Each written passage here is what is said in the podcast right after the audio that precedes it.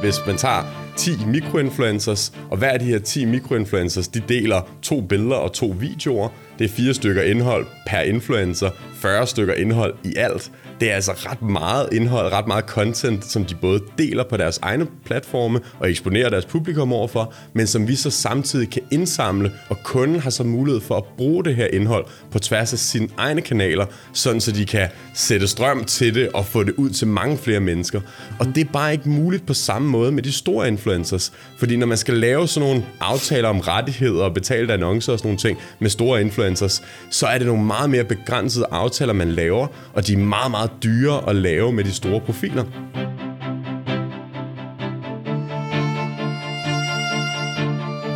Velkommen til Subscription Talks. En podcastserie, hvor vi ønsker at samtale os godt og grundigt rundt om, og faktisk også i dybden med abonnementsforretningsmodellen. Og hvem er vi? Vi er Subscribe. Vi tror på, og vi arbejder utrætteligt hårdt for at sætte hele verden i abonnement. Hverken mere eller mindre. Og ved I hvad? Abonnementsmodellen er simpelthen en bedre forretningsmodel. Ikke blot for virksomheder, men også for abonnenterne. Og faktisk også, og det er når modellen svinger sig helt op mellem dig og dine medabonnenter. Og nu skal du lige holde godt fast på hat og de nye abonnementsbriller. For abonnementsmodellen har også potentiale til at være bedre for den planet, vi lever på. Hvorfor har den det? Ja, det er jo lige præcis det, vi skal samtale om her i Subscription Talks. Her er jeg, Jonas Jul Jeppesen, jeres vært, direktør og partner i Subscribe. Velkommen til Subscription Talks. Jamen så velkommen her til afsnit nummer 18. Og det har jeg saft sus med glædet mig til. Fordi det her det er et helt, helt ekstraordinært særligt afsnit. Og det er det af to årsager. Det helt ekstraordinære, det er jo, at øh, sidste gang på sidste podcast, så sagde jeg jo, at det næste afsnit kommer til at handle omkring mobility altså service men der er simpelthen lige snedet sig det her ekstra afsnit ind. Så det er jo helt særligt. Men den anden særlige årsag er jo, at øh, det her afsnit, som kommer til at handle omkring subscription growth, det er et helt nyt område, vi er i Subscribe begyndt at arbejde med, fordi vi har jo været så heldige og dygtige, at vi har hyret Jonas Nygaard som kollega og direktør for det område. Og Jonas byder jeg velkommen til lige om lidt som min øh, min makker i det her afsnit. Og det vi kommer til at fokusere på i det her afsnit, det er det område, som er helt særligt influencer marketing. Og det har jeg glædet mig meget til. Måske mest af alt, fordi det er et område, jeg virkelig er meget interesseret i at lære noget om. Fordi det er vi altså på yderkanten af mit kompetenceområde, hvis jeg nu bare lige skal være helt ærlig over for jer, kære lyttere. Jonas Nygaard, velkommen til afsnittet, og velkommen til dig her til vores snak omkring subscription growth.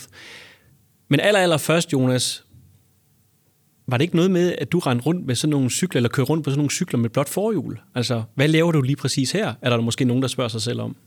Ja, tak Jonas, og jeg er virkelig glad for, at jeg får lov til at være, være med i dag. Altså, vi har været på en fantastisk vækstrejse med Swapfeeds. De blå forhjul, som man ser over det hele i København. I dag er der faktisk næsten 17.500 som over en treårig periode. Det er, vildt. det er jo ja. et helt enormt uh, tal, når man kigger på det. Jamen, egentlig, det at være med på sådan en fantastisk rejse, giver jo også nogle refleksioner i forhold til, hvordan kan man egentlig føre de her sine erfaringer videre, og måske sætte dem i spil på andre områder. Og det var lidt sådan en konklusion, jeg kom til. Altså i stedet for at være dyb i et projekt, så havde jeg egentlig et ønske om at være mere bred på flere projekter. Altså være med til at hjælpe øh, forskellige virksomheder til ligesom at skabe øh, vækst øh, med den Swapfeeds erfaring, som vi har haft. Og det er altså det er jo en historie, Swapfeeds, som på syv, i løbet af syv år er gået fra 0 til 275.000 cykelabonnenter i, i ni lande. Mm. Det er en helt vild historie. Ja. Og de erfaringer har vi så taget med nu til uh, i, i Subscribe, i Subscription Growth Regi. Mm-hmm. Og hele tanken er jo, at uh, vi bygger en, en forretningsenhed op, eller en growth tribe, hvor man kan sige, hvor vi egentlig fokuserer meget på indtræk på tværs af specielle digitale kanaler. Ja. Så det vil sige, det er influencer marketing, som vi skal tale om i dag. Det kan være paid social, Facebook, Instagram, TikTok, Snapchat, Google Search, SEO-optimering, e-mail marketing og øh, hele vejen ned alle mulige forskellige kanaler, som reelt set kan skabe et øh, fornuftigt forretningsgrundlag ved indtræk af, af nye kunder. Og det er vi specialiseret os i, og øh, jeg har fundet nogle super dygtige kompetencer, nogle unge fyre, som bare er klar på at give den max gas sammen med mig og sammen med Subscribe. Og vi på den måde kan være med til virkelig at øh, få føre en masse gode erfaringer ud i livet og, og hjælpe nogle virksomheder til at skabe vækst øh, i forhold til den del. Ja, og uden at det sådan skal blive overvældende meget ananas i egen juice, det er ikke sådan, man siger, øh, så, øh, så er det netop fuldstændig rigtigt. Vi får jo mange forspørgseler i subscriber omkring det her med at få hjælp til indtrækket, særligt via øh, digitale kanaler, og det optimale samspil mellem de digitale kanaler. Og, øh, og det vi bare måtte sande, at det har vi jo brug for særlige kompetencer til, så meget, meget kærkommet, at du lige pludselig melder dig på banen og er klar på at, at lave en enhed øh, omkring det, og bygger et, øh, et, et netværk op af kompetencer i forhold til at løfte lige præcis det. Enig. Og ja. jeg synes, det er jo enormt spændende også, fordi vi taler altså, i subscribe-regi, strategi, modeller, systemer, og nu reelt set taler også altså growth, hvor nu sætter vi strøm på motoren efterfølgende. Ja. Ja. Virkelig interessant. Og du siger jo i din introduktion lige før, at det er jo et væld af forskellige digitale kanaler. Og det er vigtigt lige at sige, at det er digitale kanaler, I, I fokuserer på. Og under det, så øh, er der så det her med influencer marketing. Ikke? Ja. Og det er egentlig også det, du godt kunne tænke dig at sætte fokus på i det her afsnit, fordi jeg spurgte lidt, hvad skal vi så, hvem skal vi invitere, hvad, hvad skal vi særbehandle så øh, under det her? Der sagde du netop influencer marketing. Hvordan kan det egentlig være, at du sagde det? Altså, for man kan også tale alt muligt andet, men hvorfor det, der er særligt interessant her? Jamen ofte så oplever jeg, at det er lidt en overset kanal. Alle ja. ved, at man kan bruge influencer marketing, men ikke nødvendigvis, hvordan man kan bruge det i sin egen forretning. Og nu tager jeg et eksempel fra Swapfeeds, hvor vi egentlig oplevede, at vi brugte det til at skabe awareness og branding, men vi brugte det ikke strategisk i forhold til faktisk at skabe større indtræk ved at bruge supplerende kanaler, for eksempel mm-hmm. ved page social osv. Så, så derfor for mig er det egentlig et must at få det integreret, så for at skabe succes i sin abonnementsforretning. Mm-hmm. Yes.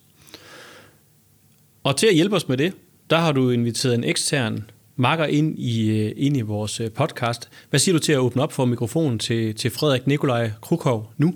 Spændende. Det vil jeg have glædet mig rigtig meget til. Og velkommen til dig, Frederik. Du har siddet og lyttet med. Du har siddet i vores øh, podcast sofa og lyttet med.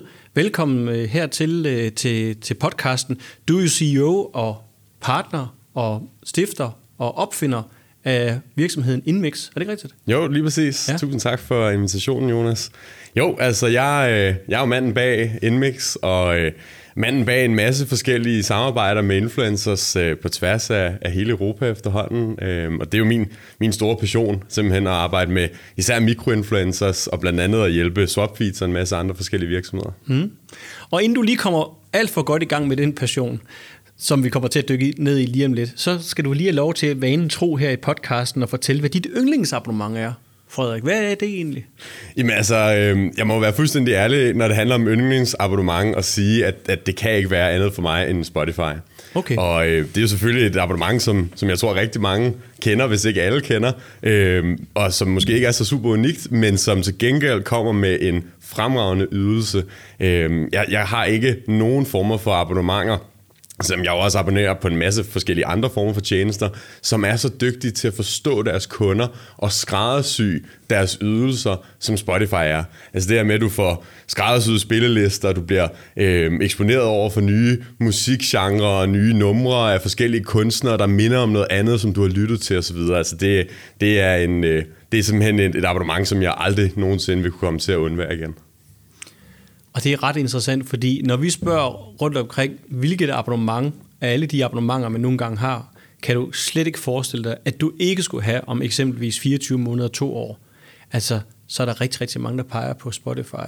Og det er jo fordi, de har de der fastholdelsesgreb, de der limgreb, det der stikkende, som du også siger det her med, at man abonnerer på hinandens playlister, de samler jo viden op omkring, hvordan man konsumerer musik, og så skaber playlister i forhold til det, og er mega, mega dygtige til det. Mm, det er præcis. Ja, ja det, er jo, altså, det er jo det, der gør, at når jeg tænker Spotify, så er det jo den måde, jeg lytter til musik på i dag. Mm. Så på en eller anden måde, så kan man sige, jeg er jo afhængig af musik. Jeg elsker musik, jeg elsker at lytte til musik, men jeg lytter til musik igennem Spotify, og de to for mig i dag er jo nærmest blevet en og det samme. Altså, jeg kan ikke forestille mig i dag at lytte til musik uden Spotify. Det er jo, altså, så har man virkelig fat i den lange ende som mm. Øh, abonnementsydelse, hvis man, mm. hvis man kan gøre det. Ikke? Mm. Ja, det må man virkelig sige. Ja. Så Spotify, dit yndlingsabonnement. Yes. som jeg ved, jeg ved faktisk, er der nogen af jer, der ved, hvor mange abonnenter de egentlig har? Nej, men altså, jeg tænker mig mange, mange millioner. Altså, hvis ikke en milliard. Det er jo virkelig kæmpe, kæmpe, kæmpe stort. Altså, så der, der kan man der om nogen tale omkring øh, abonnementsvækst, subscription growth Det fra en kant ikke? Ja, wow. Yes. Nå, kære I to, forhåbentlig, eller det ved jeg, I er eksperter ud i øh, subscription growth og i øh, influencer marketing. Øhm, du får lige lov til at starte med, Frederik, at fortælle Inmix, din virksomhed Inmix, hvad er det for en størrelse? Jamen altså, vi er jo et øh, mikroinfluencer marketingbureau, så vi er et øh, bureau, som har valgt at fokusere på en, en niche inden for influencer marketing, som er de her mikroinfluencers. Øhm, og i dag, der sidder vi inde i nærheden af Nyhavn, inde på Peder Skramsgade på et kontor, hvor jeg har fire fuldtidsmedarbejdere og tre deltidsmedarbejdere, og vi sidder simpelthen og udfører fuld service kampagner for vores forskellige kunder. Øhm, så vores opgave sådan på daglig basis, det er simpelthen at hjælpe vores forskellige kunder med at udforme strategier i form af influencer planer og simpelthen sætte de her strategier op, sådan så vi kan skabe mest mulig værdi, og så eksekvere dem fra A til Z for kunden, sådan så vi kan skabe en succesfuld samlet eksekvering, hvor de her influencers, som vi udvælger, de kommer til at dele noget indhold, som er alignet med kundens forventninger, og som så skaber de ønskede resultater. Mm-hmm. Og kan du ikke lige for definitionens skyld, hvad er forskellen på en mikro og en, ja, hvad kalder, hvad kalder man, når det ikke er en mikro? Mega eller makro? Ja, altså man kan sige, der, der er jo mange forskellige definitioner på det her med, hvad er en, den ene slags influencer, den anden slags influencer osv. I vores optik, altså sådan i forhold til vores definition her hos Inmix, der er øh, mikroinfluencers profiler, der har et sted mellem 1000 og 15.000 følgere mm-hmm. på det medie, hvor de er til stede.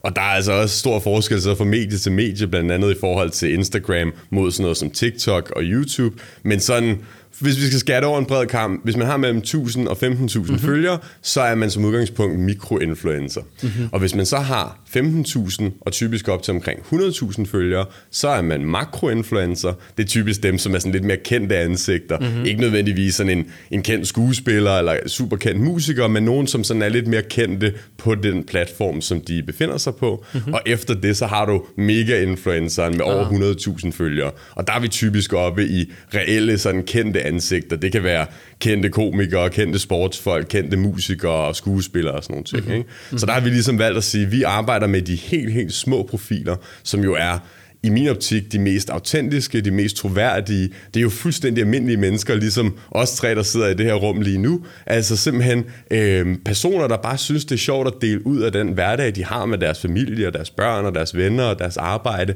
Det er ikke nogen, der lever af det på samme måde, som de, de større influencers jo ofte kan gøre. Mm-hmm. Nå. Ja, Jonas? Det synes jeg jo egentlig er meget interessant, for når vi begynder at tale om autenticitet, altså at det er faktisk det, de ligesom smider på banen, og det betyder jo også, at der er mange virksomheder, der egentlig ser, hvordan får jeg mit produkt ud, altså få skabt noget, noget social proof, for virkelig altså brandet ud på en naturlig måde, og ikke nødvendigvis ved noget, der er opstillet, hvor man kan se, at det her er altså en, en købt reklamesøjle på forhånd. Altså hvordan oplever du det blandt dine kunder, og den feedback, du får med de ydelser, I leverer? Jamen altså man kan sige, det som vores kunder jo kører ind på, det er jo lige præcis det, du siger, Jonas, altså autenticiteten. Ikke? Det er muligheden for ikke at købe en reklameplads hos en eller anden person, som får sindssygt mange penge for det, og som mere eller mindre er villig til at sige hvad som helst, så længe de får øh, den rette betaling. Det er jo desværre lidt det, man kan risikere at opleve med de større influencers, der lidt måske vælger at give afkald på deres troværdighed, fordi der er så store penge på bordet lige pludselig. Så kan det pludselig være svært at sige nej til 50.000 kroner, hvis man skal stille sig op og, og markedsføre tandpleje for eksempel.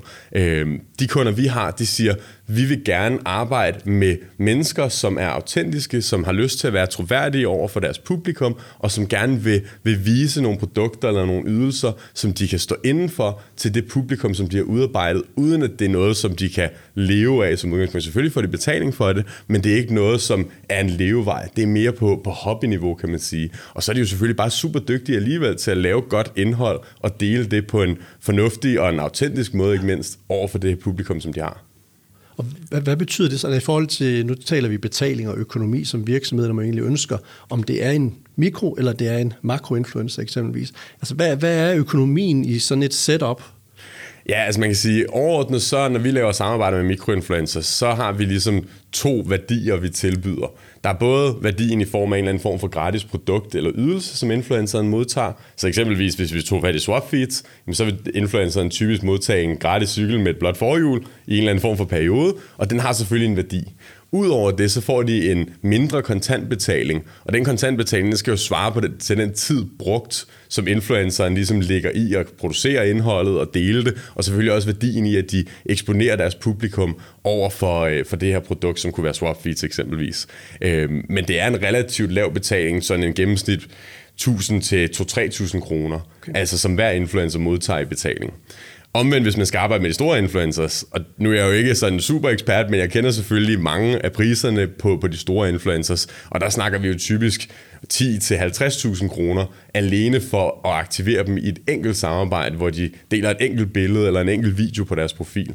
Hvis du tog de samme 50.000 kroner i stedet for at give dem til en stor influencer, så kan du altså få rigtig mange små mikroinfluencers, der kan lave rigtig meget indhold til den samme pris. Og det er jo lige præcis den her contentproduktion og volumen i at aktivere flere influencers, der deler meget mere indhold i alt, som er en af nøglerne til, at influencer marketing med mikroinfluencers er meget mere effektivt i min optik, end at arbejde med de store influencers i dag. Okay. Ja, fordi det, det er nemlig det, man sidder og tænker lidt, hvorfor, hvorfor pokker gå efter de her små størrelser? Øhm, og i min uvidenhed, så, så gik jeg jo lidt og tænkte på, at årsagen til, at man har fat i de her mennesker her, det er jo fordi, de kan jo skabe lige til, at de kan lave, konvertere direkte øh, salg. Men det er jo egentlig ikke det, som du kan jo høre og forstå på det her. Det er egentlig ikke det, som er hovedformålet. Du siger også selv det her med, de kan virkelig få produceret rigtig, rigtig meget ægte, autentisk content. Er det ikke rigtigt? Altså, er det, det, det er det, du fokuserer på det er jo lige præcis. Jamen altså, contentproduktionen i min optik er jo, er jo altafgørende, ja. og det er også en af de store differentieringspunkter, der ja. er mellem mikroinfluencers og makroinfluencers. Fordi når vi laver samarbejder med mikroinfluencerne, så kan vi jo som sagt aktivere ret mange influencers til en lav pris. Og hvis I forestiller jer, hvis man tager 10 mikroinfluencers, og hver af de her 10 mikroinfluencers, de deler to billeder og to videoer. Det er fire stykker indhold per influencer, 40 stykker indhold i alt det er altså ret meget indhold, ret meget content, som de både deler på deres egne platforme og eksponerer deres publikum overfor, men som vi så samtidig kan indsamle og give til kunden, og kunden har så mulighed for at bruge det her indhold på tværs af sine egne kanaler, sådan så de kan sætte strøm til det og få det ud til mange flere mennesker.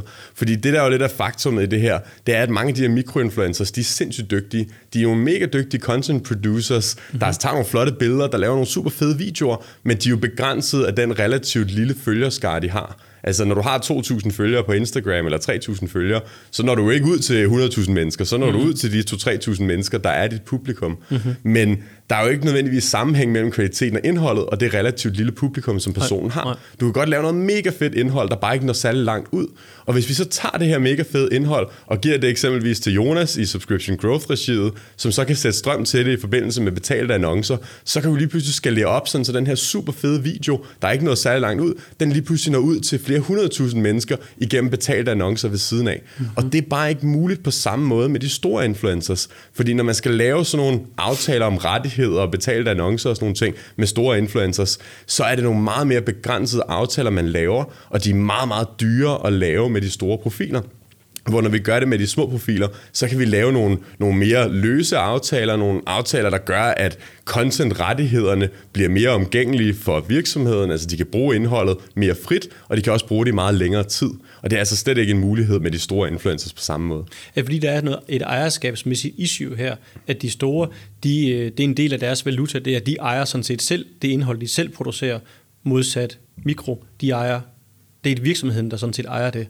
Ja, lige præcis. Altså, når vi laver en aftale med de små influencers, så er det typisk virksomheden, mm-hmm. selvfølgelig også influenceren selv, men altså også virksomheden, der har ejerskab omkring indholdet. Hvor hvis man kører ind i en større influencer, så kører man jo også ind i deres brand, i deres personlige brand, som de jo har sat op som en ekspert inden for fitness, eller den, der har noget at skulle have sagt inden for sangundervisning eksempelvis. Mm-hmm. Og når man så kører ind i det brand, mm-hmm. så er det bare meget dyrere at få lov til at bruge mm-hmm. deres ansigt som, ja. som annoncemateriale. Øhm, og typisk er der også en agent på, der, der ligesom repræsenterer den store influencer, som også skal have en bid af kagen, og som også skal, skal være med til forhandlingen i forhold til de her rettigheder osv. Det gør det meget mere omstændigt. Så siger I begge to det her med, at det er jo meget mere autentisk, det er meget mere ægte, det indhold, der bliver skabt. Altså, det, er, er det bare en påstand, eller, eller har I målinger på det? Altså det, det, det synes jeg, der er meget interessant, men det, man sidder også og, og undrer sig lidt, at, øh, at det er meget mere ægte. Fordi det, det er jo lige præcis valuta igen, vel sagtens. Ja, altså jeg tror også, når vi går ind og kigger på selve en kampagne eksempelvis, nu tager ja. vi Swapfeeds, hvor vi jo ja, går ind, ind, ind, og, ind og bruge Swapfeeds som et eksempel, mm-hmm. og der har vi jo nogle muligheder for at udvælge influencerne. Så det vil sige, at vi kommer til at finde nogen, der matcher vores brand på bedst mulig vis, men mm-hmm. også nogen, der måske matcher mere med en skæv vinkel. Så mm-hmm. det mhm. giver nogle andre muligheder øh, for ligesom at finde, altså lave en kampagne, hvor der ligesom er nogle forskellige faktorer i spil, som vi efterfølgende også kan bruge. Og det er jo også det, Frederik, når han starter sin kampagneproces op, så, er det jo, så sidder vi jo eksempelvis som kunde og er med til at udvælge de her influencers i processen. Og det synes jeg er ekstremt interessant og giver nogle andre muligheder. Helt sikkert. Jamen så lad os lige prøve at gå ned ad det der spor. Vi prøver at tage en kampagne, for eksempel på Swapfeeds. Vi er i processen nu. I, kommer, I kom, Jonas, da du var hos Swapfeeds, og banker på Inmixes dør. Vi skal i gang i noget influencer marketing. Ja. Hvad sker der så? Hvordan er processen? Jamen altså generelt så øh, er dialogen jo eksempelvis med Swapfeeds først og fremmest et spørgsmål om, hvad man gerne vil opnå med kampagnen. Ikke? Mm-hmm. Altså for mig at se, så handler det hele jo om at, at definere en strategi ud fra, hvad i sidste ende man godt kunne tænke sig at få ud af det her samarbejde. Og med Swapfeeds, der handler det jo netop rigtig meget om at få skabt en masse content, men også at få skabt det her autentiske materiale. Øhm, en pointe i forhold til det med autenticitet, som jeg mm-hmm. synes er lidt vigtigt, og, og som jeg synes også er rigtig spændende, for jeg synes virkelig, at autenticitet, det er, det er virkelig noget af det, der gør, ja, at influencer marketing ja er så fedt. Øhm, det en mikroinfluencer gør, det er jo, at de inviterer publikummet med helt ind tæt på i sit eget liv. Du, du, du laver ikke content ude i et studie eller et eller andet opsat sted. Det er fluen på væggen. Det er muligheden for, at influenceren simpelthen laver noget indhold, hvor man er helt med hjemme i stuen, helt med hjemme, når man henter børnene, eller når man er ude på sin cykeltur. Øhm, så på den måde, jo, jo tættere det kommer mm. på det personlige, jo mere autentisk bliver det og i den virkelige min. verden. Præcis. Ja.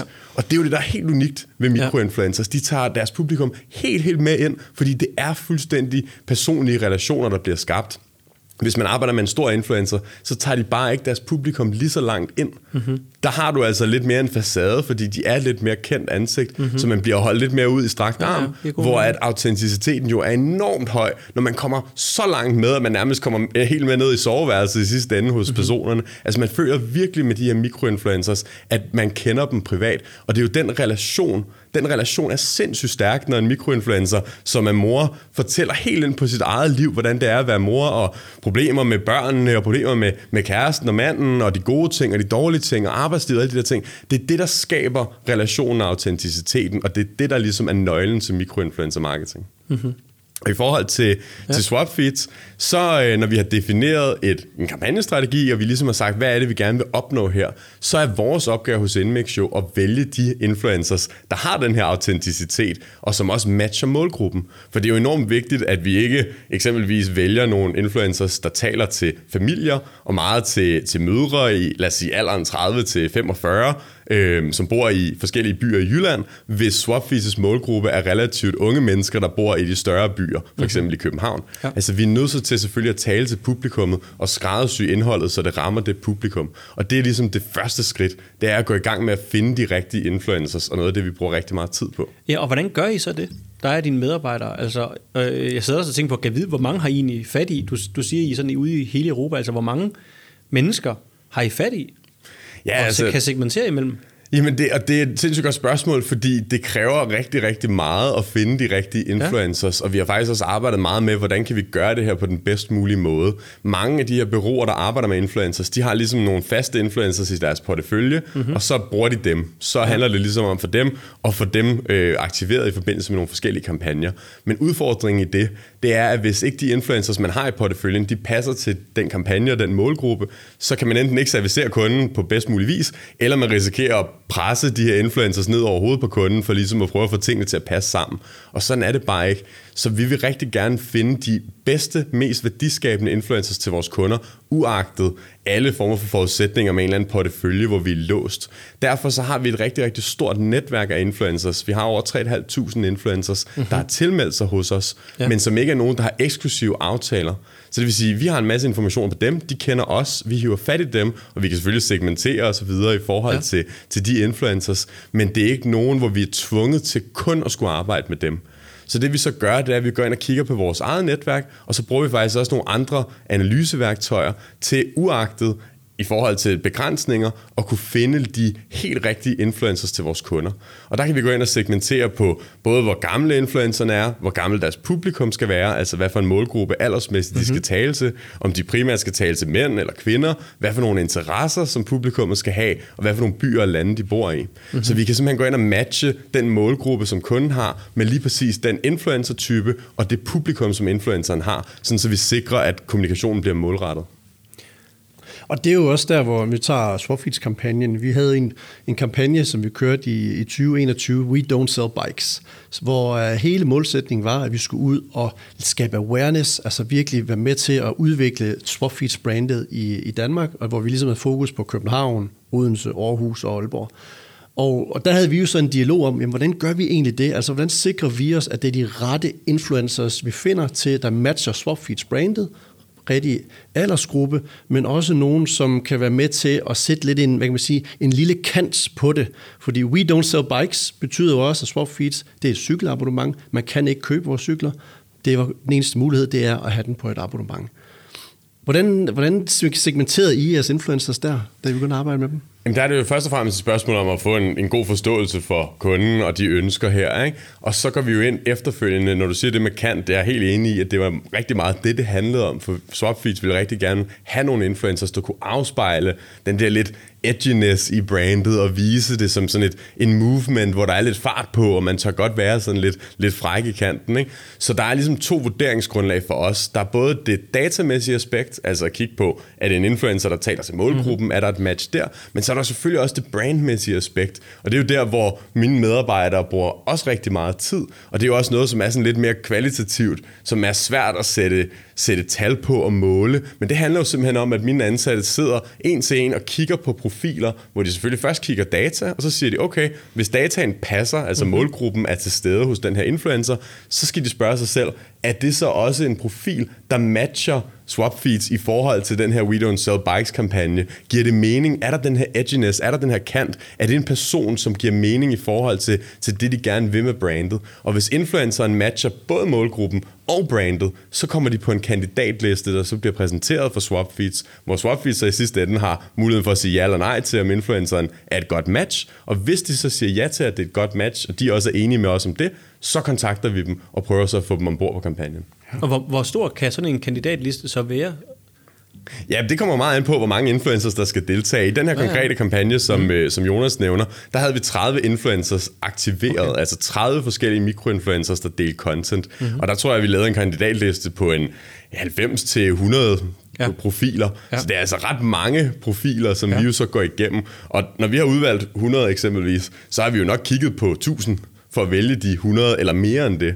Så der bliver jo lagt sindssygt meget arbejde for os i at sidde og lave hele den her screening af profilerne, for at simpelthen at kunne præsentere vores kunder for den perfekte liste med mulige influencer, som vi synes matcher på de her parametre. Mm-hmm.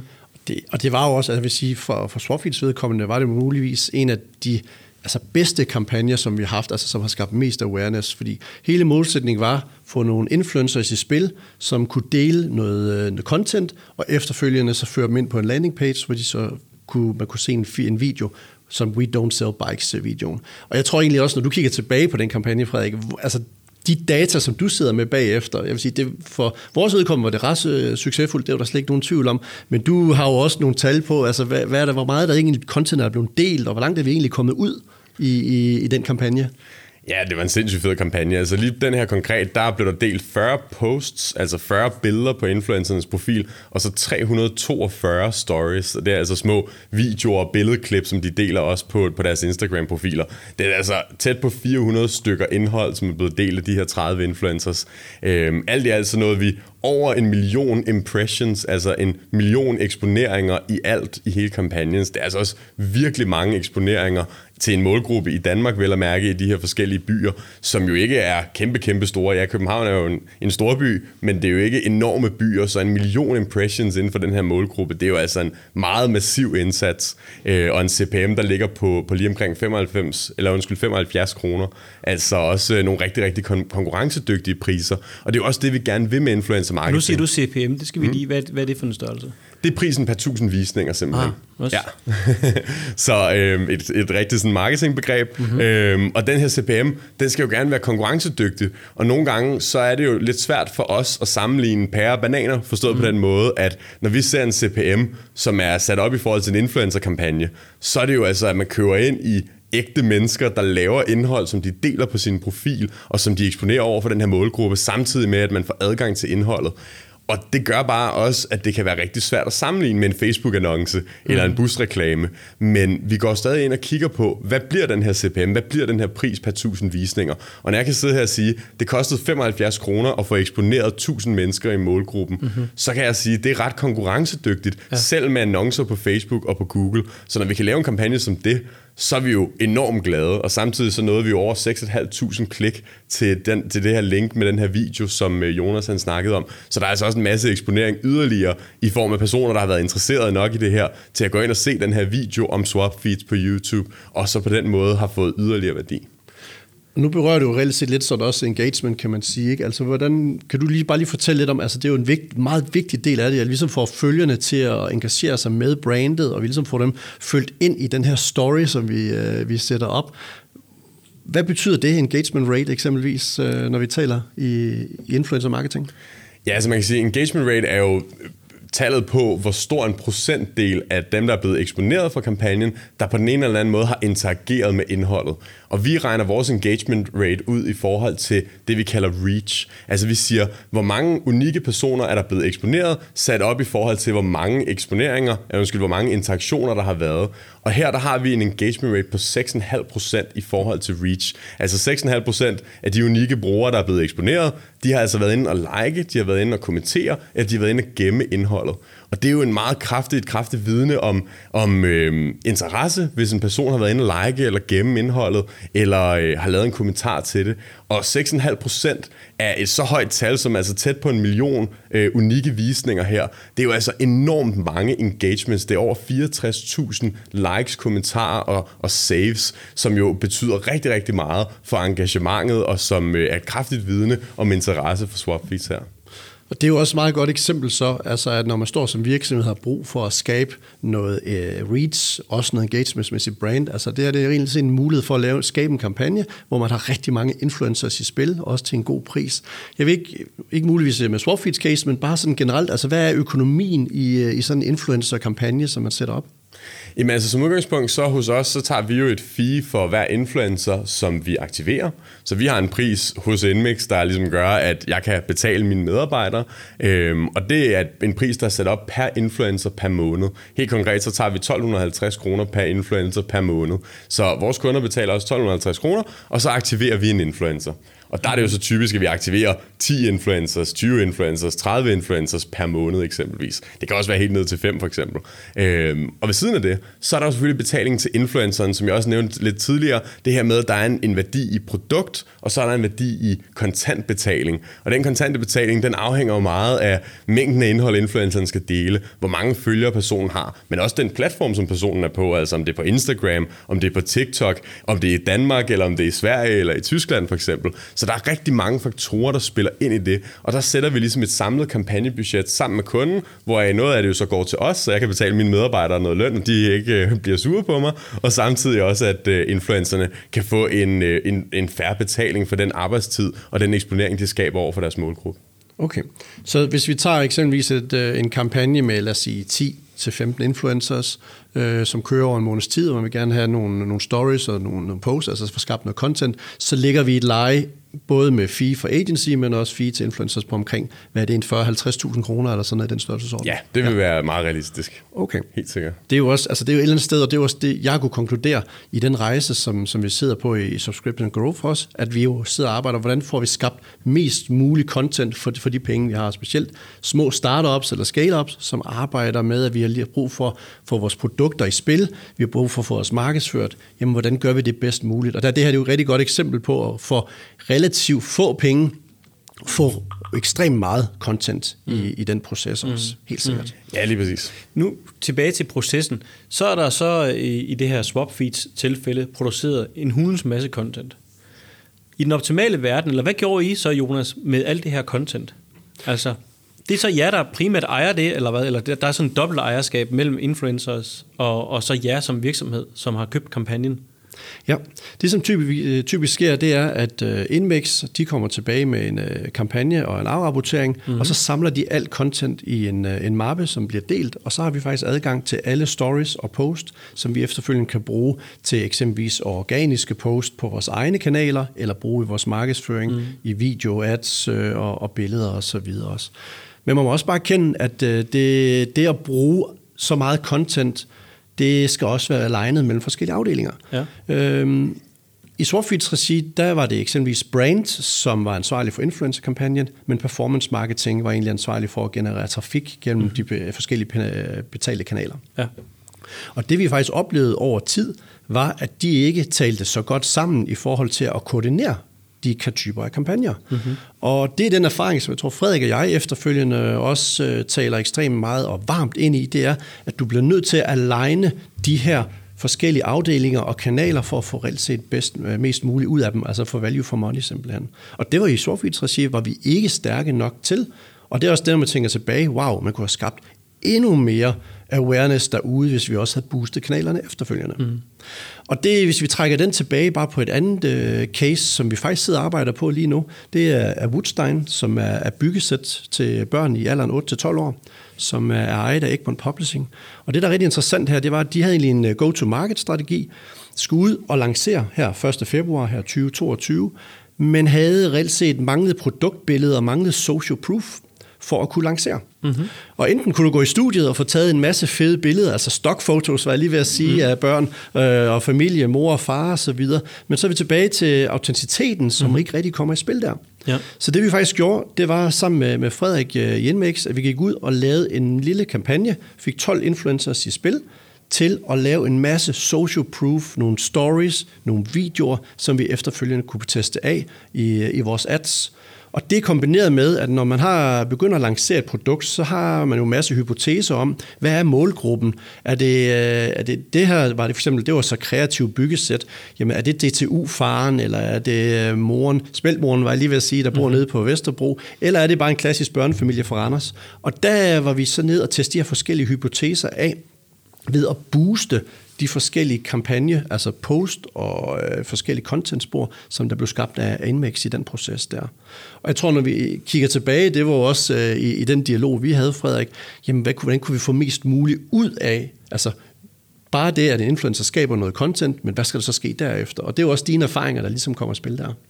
Ja, lige præcis. Altså, faktum er bare, og det kan vi jo se erfaringsmæssigt fra Woodstein og mange andre af vores forskellige øh, kunder, at de bedste kampagner, det er der, hvor influencer marketing bliver brugt som et fundament for en masse andre aktiviteter på tværs af ens øh, digitale marketingstrategi. Så i forhold til, til Woodstein for eksempel, der blev lavet 13 posts, der blev lavet 160 stories, det er jo rigtig meget indhold, mm-hmm. og det er rigtig fedt ved det samarbejde, og, og hvorfor jeg er så glad for at arbejde sammen med Jonas i forhold til subscription growth, det er jo fordi, at det content så bliver brugt til noget. Så det er jo ikke bare en, nogle billeder, nogle videoer, som bliver delt på influencernes profiler, og som så ligesom strander der. Det bliver så brugt i alle mulige andre forskellige sammenhænge. Og faktum er jo bare, at der er sindssygt mange virksomheder derude i dag, der mangler content. For content, det bruger man super, super hurtigt. Det tager tid at tage billeder, det tager tid at lave videoer. Man kan meget, meget hurtigt bruge de her billeder og videoer på nogle annoncer, som man så får skudt afsted, og så lige pludselig står man der uden content igen. Men i en Woodstein-kampagne som den her, hvor vi får lavet så meget content, så er der altså også ret meget, der kan bruges i ret lang tid, og vil så også potentielt at aktivere øh, influencerne mere kontinuerligt igen, ligesom vi jo så også gør med Woodstein nu, så har man altså også muligheden for vedvarende at få skabt det her content, som man kan blive ved med at bruge til at, at, at lave betalte annoncer med, og som man også kan bruge organisk på sin egen platform. Og vi, jeg synes også, jeg, jeg bemærker her, at vi er tilbage også lidt i en klassisk salg- og marketing-problemstilling, øh, fordi der ofte gennem tiderne har været udfordringer med at få marketing og salg til at snakke ordentligt sammen. Så det er sådan set også det, I på en eller anden måde siger, det er simpelthen fundamentet for, at det det kan lade sig gøre, det er, at vi får produceret en masse content, en masse marketingsmaterialer, men hvis salget ikke griber det, så nytter det ikke rigtig noget.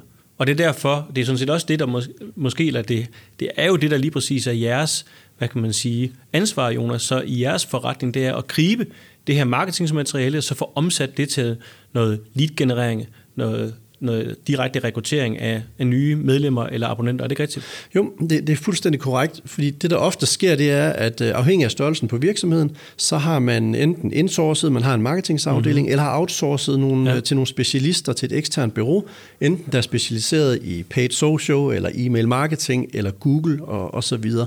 Og udfordringen er lidt, at der sidder en, øh, en projektleder, eksempelvis i virksomheden, mm-hmm. som har travlt, har en, en, en, en dagligdag, hvor der bare er rigtig mange bolde i luften. Og så glemmer man egentlig lige at koordinere mellem de her forskellige afdelinger og få sat alt i spil. Og det er det, som vi har ekstremt meget fokus på i Woodstein-regi. Altså når det er en månedlig kasse, man får leveret lidt en surprise box, man ved ikke, hvad der kommer den næste måneds kasse, der vil ligesom været ekstremt vigtigt at få koordineret de forskellige afdelinger, at få outputtet, altså det vil sige det her social proof og content mm-hmm. aktiveret. Ja. Så det betyder egentlig, at hvis vi kigger top funnel mæssigt, så siger vi godt, influencer marketing, de skaber noget content, vi får det ud i nogle annoncer på Facebook, Instagram, men vi får det også videre på øh, TikTok eller på YouTube eller Snapchat, eller eksempelvis på, på, på Google, når vi begynder at lave noget search og med nogle forskellige typer af, af content. Mm-hmm. Og vi jo ved at vi er privilegeret ved at køre sådan et always-on-spor, så betyder det også, at influencerne producerer nyt indhold til os hver eneste måned.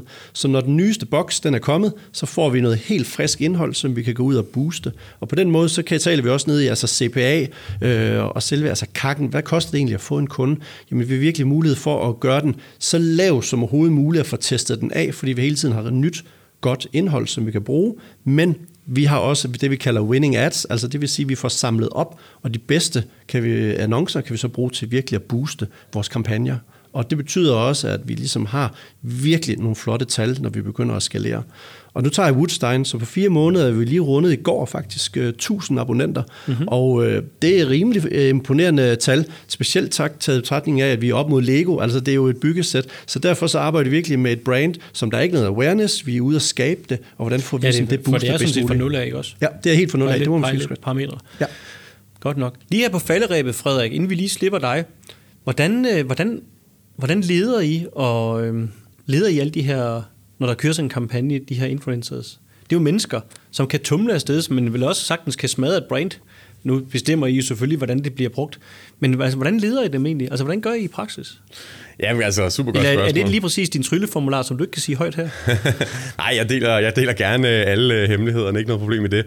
Øhm, men jeg skal ikke tage æren for det, fordi at, øh, det er jo det, som mine medarbejdere er sindssygt dygtige til.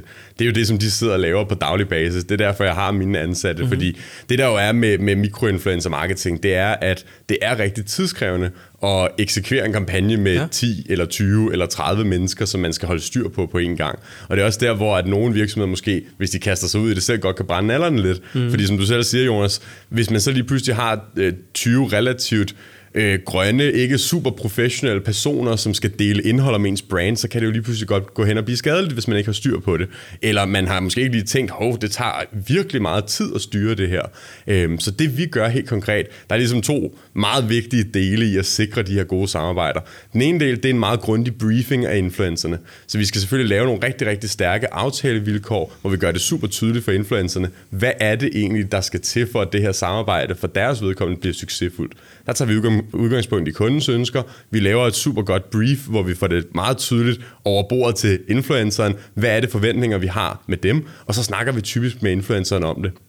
Når det så er, at kampagnen kører, så er det også bare super vigtigt, efter de er blevet briefet, at vi så står klar til at facilitere det, og taler med influencerne og giver dem feedback, og hele tiden har fat i hånden på dem og sørge for at, at pushe dem til at lave det bedst mulige materiale og huske dem på det her brief og de retningslinjer, de har sagt ja til. Og meget tit så har vi så også sådan en godkendelsesdel, hvor et contentet bliver sendt til mine ansatte, inden influenceren får lov til at dele okay. det på sin ja. platform. Ja. Så influenceren producerer contentet med udgangspunkt i briefet og den dialog, de har med, med en af mine ansatte, så sender de contentet til godkendelse. Det kan jo så være billedcontent eller videocontent. Det kan jo i og for sig også være tekstcontent, altså en tekst, de har skrevet om mm-hmm. produktet eller om ja, brandet. Ja. Og alt det her, det bliver godkendt, eller der bliver givet feedback på det, ja. inden influenceren så deler det. Sådan, så vi er 100% sikre i en Woodstein-kampagne for eksempel, på at det her content, det altså har en vis kvalitet og skaber den her værdi, som vi går efter, og ligesom er alignet med brandet, inden det er, influenceren deler det.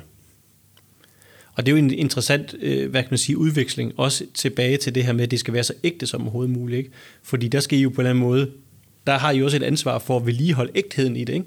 og ikke komme til at være sådan overredaktør, vel sagtens på, at, øh, at man så fjerner det, fordi man skal passe det ind til et brand.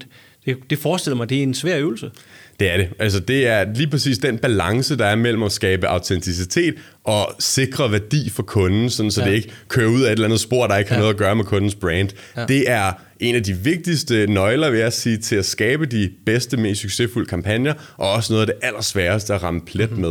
Og det er jo også noget af det, vi bruger rigtig, rigtig meget tid på. Så vi har en konstant dialog i vores team på kontoret om, hvis en influencer har sendt noget content, skal der så gives feedback? Er det i orden? Ah. Passer det med brandet? Ja. Er det noget, som, som vi skal gå ind og pille ved, eller er det faktisk noget, der passer godt til den storytelling, som influenceren har på sin profil? Fordi de har jo hver sit univers, deres eget narrativ, den historie, de fortæller i deres dagligdag, og det skal jo, contentet fra kunden skal jo passe med det narrativ, og samtidig så skal vi også sikre, at der bliver skabt den rigtige værdi. Mm. Og mhm. den der balance, den er sindssygt spændende og sindssygt svær at ramme, men når vi rammer den, så er det også bare det her, vi kan se, at der virkelig bliver skabt nogle fantastiske kampagner.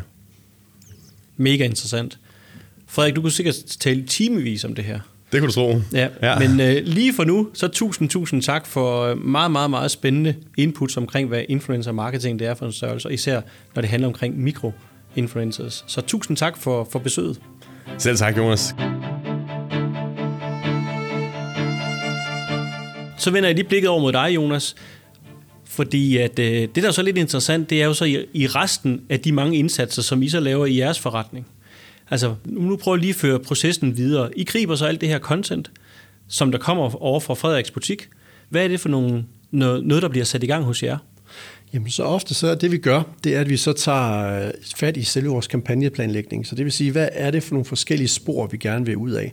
Og når vi så kalder det øh, digital performance, jamen så går vi egentlig ind med en, øh, en, en grafiker, laver det her flotte content, som der er kommet fra, fra influencerne, om til, til en ads, og det vil sige, det er både video, det kan være stillbilleder, og så går vi ud, egentlig ud og prøver dem af primært på, på page social, det vil sige Facebook, Instagram, det kan også være, være Snapchat, mm-hmm. og så prøver vi nogle forskellige spor af typer, altså det vil sige, der er noget forskellige øh, creatives kombineret, kombineret med noget tekst, og på den måde får vi også ramt ind i, jamen okay, de hypoteser, vi tester af, hvad for nogle fungerer bedst. Dem, som ikke fungerer, de billeder, der ikke fungerer, der tager vi noget nyt, content fra de influencers, vi har, mm-hmm. og så tager vi det ud i et nyt spor der også. Og det betyder også, at nu prøver vi i Woodstein at sige eksempelvis et nyt spor af i form af YouTube, hvor vi reelt set er inde virkelig at køre med video, og det er noget, som er konverteret direkte fra i reelt set nogle Instagram-posts. Så det er ret interessant at se, hvordan kan det konvertere, skabe noget awareness, og mm-hmm. skabe også nogle kliks ind til vores website, sådan så vi bagefter kan få ført dem hele vejen igennem og konvertere det til nogle salg. Så vi squeezer lidt, man kan sige, hele vejen på tværs af kanaler, mm-hmm. optimerer, og så, men mest af alt sørger vi for, at vi starter helt i toppen, får skabt noget awareness og noget trafik, og så arbejder vi os simpelthen igennem de forskellige betalte kanaler, der er, for at til slut at ende ind på vores hjemmeside og få dem ført ind på rejsen, kan man sige. Okay. Og derfra, det er jo også mange af de andre subscription talks, som der har været igennem, jamen hvad er det så, der sker? Altså hvad er kunderejsen derfra ja. som abonnementsforretning ja. eksempelvis? Ja. Og det er noget af det vigtigste for os. Vi er i hvert fald fokus på det selve indtrækket, og simpelthen få ja. ført flest mulige leads ind, og så give den gas derfra. Ja, og så er det jo, det er jo væsentligt lige at sige, det er jo selvfølgelig specialiseret i at lave indtræk af abonnenter og af medlemmer Lige præcis. I har, I har fokus på. Fuldstændig rigtigt. Det betyder også, at den kommunikation, man har, det er jo også ekstremt vigtigt. Altså på, hvis vi tager en, en Facebook-annonce eksempelvis, altså at vi talesætter, hvad er det, vi for en type forretning, hvad er det, vi har, har fokus på, men også sådan, så kunden ikke bare bliver ledt ind på grund af en flot annonce, så bliver ledt ind til en hjemmeside eller en landing page, hvor det er så en helt anden storytelling, som vi har. Så det match er ekstremt vigtigt at også have forståelsen for, hvordan skal man kommunikere en abonnementsforretning bedst muligt, for til sidst egentlig at konvertere til at det skal til en kunde også. Mm-hmm. Hvilke andre kunder har du egentlig i gang i for tiden? Jamen, vi har nogle rigtig spændende projekter. Vi har øh, White-On, som er vaskemaskiner på abonnement. Ja. Og det er sådan lidt en, en anden type rejse. Der er vi inde og skabe noget awareness og noget branding, fordi det er en længere købsrejse, man ja, er, på. Klar. Det er ikke noget umiddelbart, som Woodstein eksempelvis er. Så har vi faktisk også... Man er jo ikke bare lige sådan lidt spontant, åh, oh, nu, oh, det kunne da fedt med lige med en ekstra vaskemaskine. Ja, nej, det, er ikke, det, det må vi jo nok kunne konkludere. Altså, der er bare en længere købsbeslutning, og det betyder også, at nogle andre parametre, vi arbejder med der, så går vi ind og skaber f.eks. et white paper, så i stedet for øh, en guide til, hvad skal du være opmærksom på, inden du vælger at købe eller lege en vaskemaskine eksempelvis. Mm-hmm. Og så har vi simpelthen lavet en guide med et e-mail marketing-spor, som efterfølgende bare er fuldt øh, lige, øh, ja. lige bag i der. Ja. Ellers så har vi faktisk øh, ondi.dk. Ja. Spændende virksomhed. Øh, Emil der, han øh, sælger underbukser på abonnement, ja. og har i løbet af rekordtid faktisk øh, fået øh, et par tusind abonnenter, og øh, har en rigtig flot øh, forretning. Og der har han lige ved at lancere i fem nye markeder mm. uden for Danmark. Det er faktisk øh, Tyskland, Holland, Italien, Frankrig og Spanien. Og øh, der har vi en, en ung fyr, som hedder Anton, som har super meget erfaring, blandt andet fra Swapfeeds også, men med at ekspandere til nye markeder, som mm-hmm. er ved at teste nogle nye markedsstrategier af. Så, og det er vi lige lanceret her i den her måned, så er super, super interessant at se de tal og, og hvad der kommer ud af den, når man giver den gas der. Og ellers så har vi faktisk også det kollektive klædeskab. Ja som også er en spændende abonnementsforretning. Man bliver medlem af, af klædeskabet, og øh, så kan man faktisk gå ned i deres fysiske butikker og bytte tøj, altså bytte sit eget tøj for noget point. Mm-hmm. Og den måde vælge noget nyt tøj, ja. som der står ja. allerede dernede i butikken. Ja. Og det er jo, vi taler også egentlig både noget bæredygtighed og, og fast fashion osv. Men dem er vi så sammen ved at hjælpe i gang med at øh, simpelthen øge deres medlemsdatabase. For det er klart, flere medlemmer giver mere fedt tøj, og man får delt mellem hinanden. Så det er en rigtig spændende rejse at være på der sammen med dem også. Meget interessant, Jonas. Og tak, fordi du også var med her. Så lige her på falderæbet til dig. Hvad er egentlig dine, dine største sådan aha-oplevelser og, øh, med arbejde med det her influencer, også i forlængelse af vores snak med Frederik? Altså, jeg, jeg er sådan fuldstændig blæst over omkring aha-oplevelser, fordi det er så nyt for mig at forstå hele det her med, at det handler så meget om content, øh, produktion, ikke? og det, det her med at skabe det, det autentiske, det ægte, de ægte historier, og hvad, hvad de her mikroinfluencers, de kan på det område versus makro og mega, var det ikke, var det ikke sådan, man skulle sige? Ja. Hvad, hvad, hvad, hvad står du tilbage med? Jamen, altså jeg tror, i mine udenbare tanker her, der er tre ting, og den ene, ja. Øh, det er selvfølgelig, at den her forståelsen for, hvad er influencer marketing, og hvad kan mikro versus makro, øh, og at man egentlig har mulighed for at få fundet content, som du efterfølgende kan bruge i dine kampagner, i din markedsføring og noget social proof det er noget af det, som jeg synes, det, okay, det er virkelig, virkelig interessant, og det var virkelig en aha-oplevelse, da jeg hørte om det. For jeg har også hørt om nogen, der har lavet kampagner med en influencer, hvor det kostede 150.000, ja. og så sad de egentlig tilbage og havde ikke rettighed til content bagefter. Ja. Så det vil sige, det var lidt sådan en one-off, så de håbede lidt, at den bare fik max gas, mm-hmm. og så de fik en masse salg. Men hvis de ikke fik det, så var det reelt set det. Og mm-hmm. der er jo ikke nogen, der har den 100% rette formel. Det er jo nogle hypoteser, man skal ind og teste af. Ja, ja. Men også øh, sidder også tilbage med, at hvad der skal til for at skabe en succesfuld abonnementsforretning. Ja. Altså det her med, at vi starter meget top funnel, skaber noget awareness, og så arbejder vi os reelt set igennem de forskellige kanaler. Og det er noget, som jeg har talt, øh, som sagt, meget med, med Frederik om.